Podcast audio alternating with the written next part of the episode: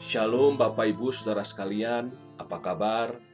Saya berdoa dan berharap sesulit apa pun situasi hidup yang sedang kita hadapi saat ini, kita semua dianugerahkan iman untuk tetap berpengharapan di dalam Kristus. Hari ini saya mengajak kita semua untuk merenungkan satu bagian Alkitab dari Injil Matius pasal 5 ayatnya yang keempat. Saya akan membacakan untuk kita semua. Dengarkanlah firman Tuhan. Berbahagialah orang yang berduka cita, karena mereka akan dihibur. Yang berbahagia ialah mereka yang mendengarkan firman Allah dan memeliharanya. Haleluya. Bapak Ibu Saudara sekalian, sebentar lagi genap enam bulan kita berada di dalam situasi seperti ini sejak kasus pertama COVID-19 terdeteksi di Indonesia. Hampir setengah tahun Bapak Ibu Saudara. Dan ternyata setelah waktu yang cukup lama ini, tidak sedikit orang yang masih menganggap COVID-19 ini adalah hoax atau kalaupun bukan hoax, COVID-19 ini tidak berbahaya sama sekali. Ini kita bisa lihat Bapak Ibu Saudara di banyak posting media sosial ataupun dalam keseharian Bapak Ibu Saudara sekalian kita melihat buktinya. Jangan jauh-jauh di Bogor di sekitar kita Bapak Ibu Saudara, saya yakin tentu sudah menyaksikan banyak orang sudah tidak lagi pakai masker Padahal data menunjukkan kemarin kasus positif COVID-19 di Indonesia sudah melampaui kasus positif di Cina.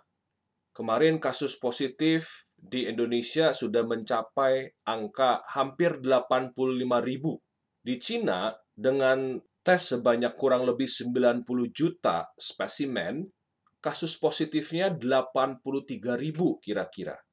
Bapak Ibu Saudara, ada yang tahu berapa total tes spesimen yang sudah Indonesia lakukan sampai saat ini sejak Maret? Totalnya adalah 1,2 juta.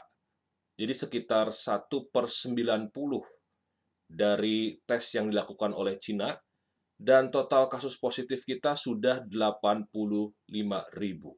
Sudah melampaui Cina yang melakukan tes 90 kali lebih banyak dari tes yang kita lakukan. Bapak Ibu Saudara, kalau kita hitung-hitungan secara matematika, maka kalau kita melakukan 90 juta tes seperti Cina, berarti bisa jadi kasus positif COVID-19 di Indonesia adalah 85 ribu kali 90. Ini kondisi yang tidak main-main Bapak Ibu Saudara. Ini kondisi yang amat sangat serius. Ini kabar buruk buat kita semua. Mungkin ada di antara Bapak Ibu Saudara berpikir, aduh tolonglah, jangan sampaikan lagi bad news. Sudah terlalu banyak bad news nih, tolonglah. Saya mau dengar good news, tolong jangan kasih saya bad news lagi. Terlalu banyak bad news. Memang kita tidak bisa pungkiri Bapak Ibu Saudara, kita ini punya kecenderungan untuk menyangkali berita buruk ya. Kita punya kecenderungan untuk menyangkali hal-hal yang tidak menyenangkan dalam hidup, sekalipun itu benar. Alhasil makanya ada sebagian orang yang sudah tidak mau lagi mengikuti berita COVID-19. Lalu kita menjalani hidup seolah-olah COVID-19 itu tidak ada. Jadi seperti kita ini sedang melakukan denial Bapak Ibu Saudara, melakukan penyangkalan bahwa kita ini sedang berada di dalam masalah besar sebagai umat manusia sebagai bangsa dan negara, dan saya yakin sedikit banyak keluarga-keluarga kita pun sudah terdampak oleh pandemi ini. Kita punya kecenderungan untuk senang menghibur diri sendiri, sekalipun itu dengan kebohongan. Yang penting saya tenang, saya tidak gelisah, padahal sumber ketenangan kita itu palsu dan hampa. Bapak Ibu Saudara sekalian, kalau kita mau mengalami penghiburan sejati, maka kita perlu menerima masalah sebagai masalah. Kita perlu menerima kabar buruk sebagai kabar buruk. Di sinilah baru kita akan mengalami penghiburan sejati dari Tuhan. Seperti sabda Yesus yang tadi saya bacakan, Berbahagialah orang yang berduka cita, karena mereka akan dihibur. Berbahagialah yang berduka cita. Yang berbahagia adalah mereka yang berduka cita, karena Tuhan akan menghibur mereka. Yang berduka cita akan mengalami penghiburan sejati di dalam Tuhan. Bapak, ibu, saudara, bintang itu di siang hari ada, tetapi tidak bisa kita lihat karena terang. Baru ketika malam datang, maka bintang itu bisa kita lihat bersinar terang. Seringkali hidup kita pun seperti itu, Bapak Ibu Saudara. Ketika hidup kita sedang terang benderang, maka Tuhan itu sering kali tidak bisa kita lihat dengan jelas, Bapak Ibu Saudara. Tetapi ketika hidup kita masuk ke malam yang sangat gelap, di situlah sering kali kita melihat penyertaan Tuhan dengan jelas. Kita mengalami penghiburan dari Tuhan yang sejati. Karena itu, jikalau ada di antara kita yang masih menyangkali bahwa kita sedang berada di dalam masalah besar, akuilah, terimalah, kita semua sedang mengalami masalah sangat serius sebagai bangsa, sebagai umat manusia, amat sangat serius. Bahkan tentu keluarga-keluarga kita pun sudah terdampak. Ada di antara kita yang sudah kehilangan pekerjaan, Sebagian yang lain bergulat dengan penyakit yang menggerogoti tubuh kita. Kita mau berobat pun kita takut ke rumah sakit.